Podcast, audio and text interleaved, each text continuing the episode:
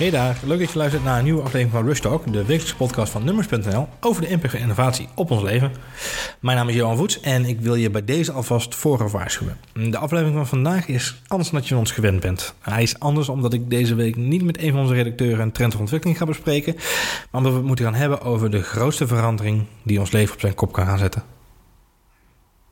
Quantum computers.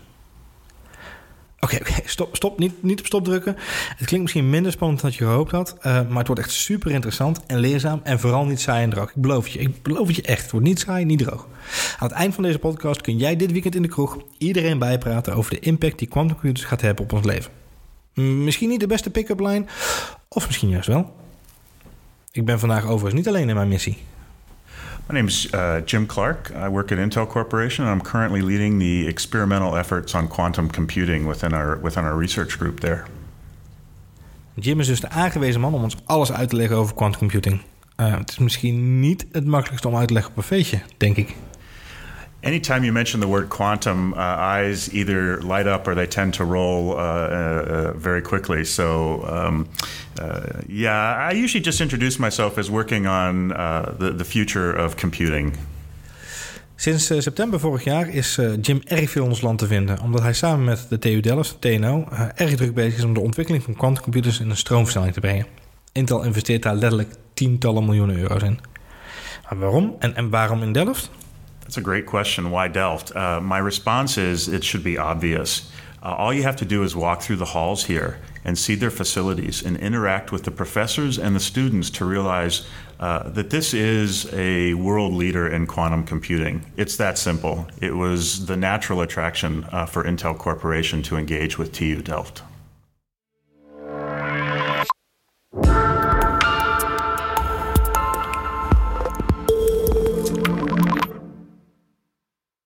Laten we bij het begin beginnen. Wat is een quantumcomputer nu eigenlijk precies? Ik zal het proberen om zo goed mogelijk uit te leggen. De computer die we tegenwoordig dagelijks gebruiken in al verschillende verschijningen, van laptop tot smartphone, maakt bij het verwerken van zijn data gebruik van eentjes en nulletjes. Bits. Een term die we eigenlijk al sinds 1947 ongeveer gebruiken. Een bit in onze computers, eh, ook anno 2016, kan twee standen hebben: 1 of 0. Daar is sinds die eerste kennismaking halverwege de vorige eeuw niet zo heel veel in veranderd. Een bit is als een lamp, aan of uit, 1 of 0. Quantumcomputers werken met een gepimpte variant van bits. Zij werken namelijk met bits die zowel 1 als 0 kunnen zijn. Tegelijkertijd. Klinkt ingewikkeld, zit ongeveer zo. So the bit used in uh, quantum computing is called the qubit. And I want you to think of this as a light switch.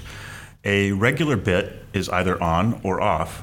A qubit would uh, be simultaneously on and off at the same time. It represents two states at once, where a regular light switch represents one.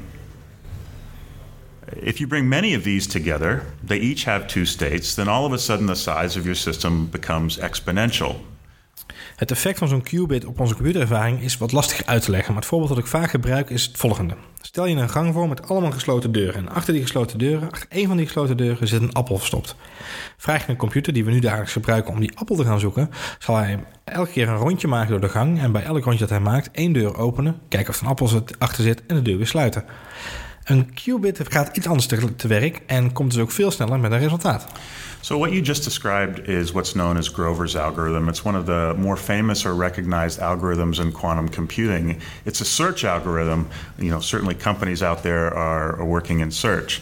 So, imagine instead of having to open each door to check for that apple, you could essentially check all doors at the same time. That would be the closest representation of a quantum algorithm solving that problem. Het creëren van één qubit is niet de uitdaging, maar om te spreken van een echte quantumcomputer die volledig wordt genut, moeten er tienduizenden of misschien wel miljoenen qubits worden gemaakt. En dat is lastiger dan dat het lijkt. Sterker nog, terwijl op dit moment naast Intel ook Google, Microsoft, IBM, allerlei andere grote bedrijven in de wereld hun tanden in de technologie aan het zetten zijn, zijn er slechts twee werkbare modellen op de wereld. Er is een 5 qubits model van IBM, echter nauwelijks sneller dan een normale computer, en er is een 1000 qubit model van D-Wave. Het grote mysterie dat helaas in handen is van de Amerikaanse geheime dienst NSA.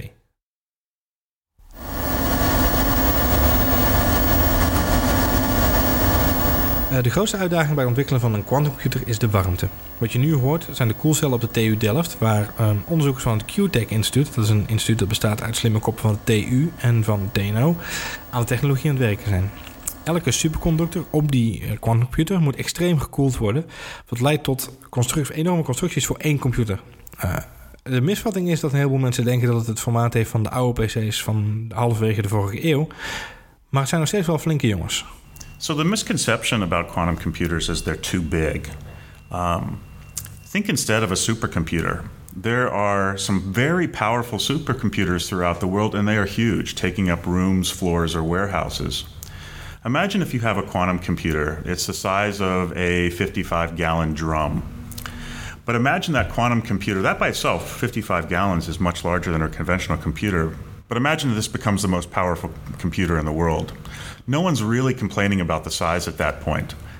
So I described the light switch being simultaneously on and off. Uh, unfortunately, as a qubit, these are very sensitive to the thermal environment of the surroundings. All of a sudden, it would become either on or off and not two states. So you tend to operate these at a fraction of a Kelvin, uh, 50 millikelvin. It would be the coldest place on Earth. And so, one of the challenges is refrigeration. Getting this size container down to just a fraction of a degree uh, is, is challenging. It's becoming more mainstream uh, as, as there are several companies working on this. Voorlopig gaat de wetenschap er ook niet vanuit dat quantumcomputers op hele korte termijn voor iedereen op een groot, uh, grote schaal beschikbaar zullen komen. Maar tegelijkertijd zeiden we dat ook niet over de huidige computers die we met z'n allen hebben. En werkte de naamgever van Moore's Law in de tijd niet voor een bedrijf dat Intel heet? I have heard in the past people say we need to study quantum computing because Moore's Law is ending. That could not be further from the truth. Moore's Law is continuing. And while the um, uh, Moore's law is essentially parallel or different from quantum computing. The technology that's developed in the course of um, continuing Moore's law will be very important uh, to integrate into these quantum computers. We will rely on those technological developments to make quantum computing happen. In Delft spreekt men ook over een meerjarenplan. Uh, er worden geen exacte data genoemd, durft men ook nog niet, maar ga uit van tenminste 10 jaar om de technologie naar een volgend niveau te brengen. Het is wel zo dat er in die tijd al flink meters worden gemaakt. Our engagement with Delft is really a partnership. On a weekly basis, we meet, we exchange material, uh, and we share results. It's not a one way street, it's a real partnership. The goals of the program are to make better qubits using Intel's fabrication expertise and Delft's quantum computing expertise. Furthermore, we want to connect these qubits together in a way that would allow us to go from one or two qubits to pick a number, a million, a billion. Uh, and then, furthermore, to develop the architecture that once we have a large scale quantum computer, that we know how to use it effectively. And there are uh, professors here at Delft that are supporting that activity as well.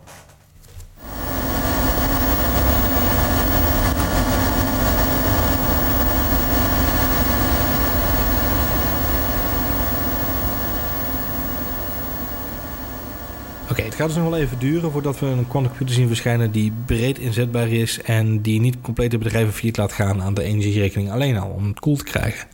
Toch is er een reden waarom de grootste technologiebedrijven ter wereld er zoveel tijd en energie en geld in investeren om er de eerste mee te kunnen zijn. De quantumcomputer is niet zomaar een volgende stap in rekenkracht. Het is echt daadwerkelijk een hele nieuwe definitie. Quantum computing is transformational in its, its compute power. If it's realized, it will do something that no computer on earth can do. That's exciting enough for, uh, for companies to engage in. De immense rekenkracht van een quantumcomputer, de expansionele rekenkracht van die quantumcomputer, biedt mogelijkheden die we eigenlijk op dit moment nog niet kunnen bevatten. Maar we kunnen wel een aantal wetenschappelijk onderbouwde aannames doen. Zo kunnen de computers bijvoorbeeld ondersteunen bij complexere vraagstukken die komen kijken bij het ontwerpen van uh, nieuwe materialen of, of bepaald scheikundig onderzoek. Zo ziet Jim Clark bijvoorbeeld een belangrijke rol voor quantumcomputers bij het vouwen van proteïne, uh, wetenschappelijk onderzoek dat bijdraagt aan het zoeken naar middelen tegen Parkinson of zelfs bij het bestrijden van iets als kanker. One clear example uh, would be in the chemical space. Can we very accurately model or simulate uh, chemical reactions? These could be chemical reactions that would be uh, relevant for global warming. Uh, these could be chemical reactions that would be relevant for uh, pharmaceutical industry and cancer treatments. And so it would allow us to very uh, accurately predict uh, chemical reactions in a way that would be very useful uh, to society. En wat te denken van de impact van quantum computing op uh, de beurshandel bijvoorbeeld. I'll go back to your example where we were searching for an apple uh, simultaneously behind many doors at the same time using a quantum computer. That's a good example. Now, instead of an apple, let's assume behind one of the doors is a slightly more optimized investment portfolio than all the other doors. This would allow us to find uh, the best investment uh, very, very quickly. En dat bracht me toch een beetje aan het denken. De afgelopen maanden is er ontzettend veel aandacht geweest, uh, ook op nummers.nl en onze eigen pod podcast, um, over het werk wat Facebook, Amazon, Apple, Google, Microsoft allemaal aan het doen zijn. Waarbij ze groot inzetten op kunstmatige intelligentie, complexe algoritmes om virtuele assistenten te creëren. En machine learning en deep learning en uh, chatrobots die ons in de toekomst moeten gaan helpen bij allerhande dagelijkse taken. Zijn die quantumcomputers uiteindelijk ook niet de drijvende kracht achter deze ontwikkeling? En als je kijkt naar die exponentiële groei van die quantumcomputers, zou die technologie dan niet voor kunnen zorgen dat computers echt als een mens kunnen gaan denken? That's a great question. How powerful quantum computers can actually be. At the moment, our ability to simulate a quantum computer is really rudimentary. And until we have the first quantum computers, we're probably not going to know how powerful they can be. That's both um, a daunting task and also the opportunity that's really exciting. Uh, so, the examples that you gave, uh, such as machine learning, are certainly within the realm of possibility of quantum computing. And the sheer size that quantum computing uh, could offer uh, really gives uh, an enormous potential in those areas. Should we be worried that that that quantum computing would take over the world? There are many uh, uh, many different scenarios there in in the wildest dreams. Some of them would make us laugh. I think that uh, as an optimist here and as someone who's uh, passionate about uh, quantum computing, I only think about the positive. Oké, okay, okay. als een van de slimste mensen van Intel er zo positief tegenaan kijkt, wie zijn wij dan om ons zorgen te maken, toch? Maar, maar voorziet Clark dan wel een toekomst waarbij we met z'n allen met een quantumcomputer in onze broekzak lopen, zoals we dat nu doen met een smartphone? It's probably in my best interest to focus on the next five or ten years. Uh, and make sure that we get to that uh, point where there's at least one. The comment that I would make is imagine in 1965 when there were a couple of relatively simple few, uh, computers that took up huge uh, rooms. No one at that time could have predicted that we would have uh, graphics capabilities in our back pocket. So one has to be enormously optimistic about what the future holds in this space.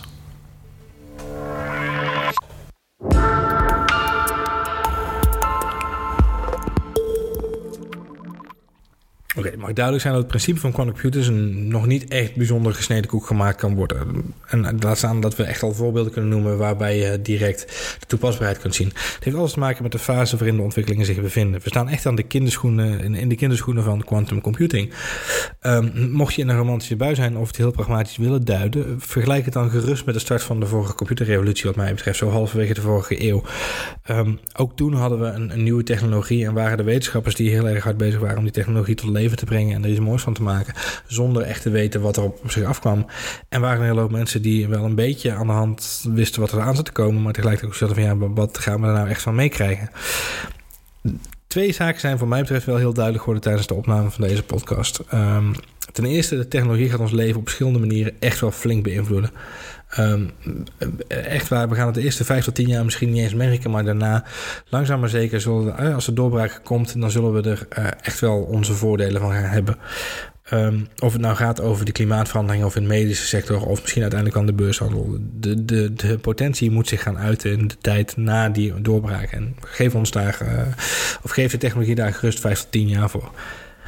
Um, ten tweede, ons eigen Delft, onze eigen TU Delft speelt een essentiële rol in de doorbraak op weg hier naartoe. En dat is heel fantastisch. Daar mogen we heel trots op zijn. Het respect waarmee um, Intel uh, spreekt over um, de, de afdeling Quantum Mechanics, waar, waar deze ontwikkelingen plaatsvinden. Maar ook andere collega's uit het buitenland die over Delft spreken. met het grootste respect wordt de school bejegend. En daar mogen we heel trots op zijn. En uh, het wordt nooit hardop gezegd. Het wordt ook niet eens, misschien niet eens gefluisterd, maar alleen maar stiekem op briefjes geschreven en weer weggegooid.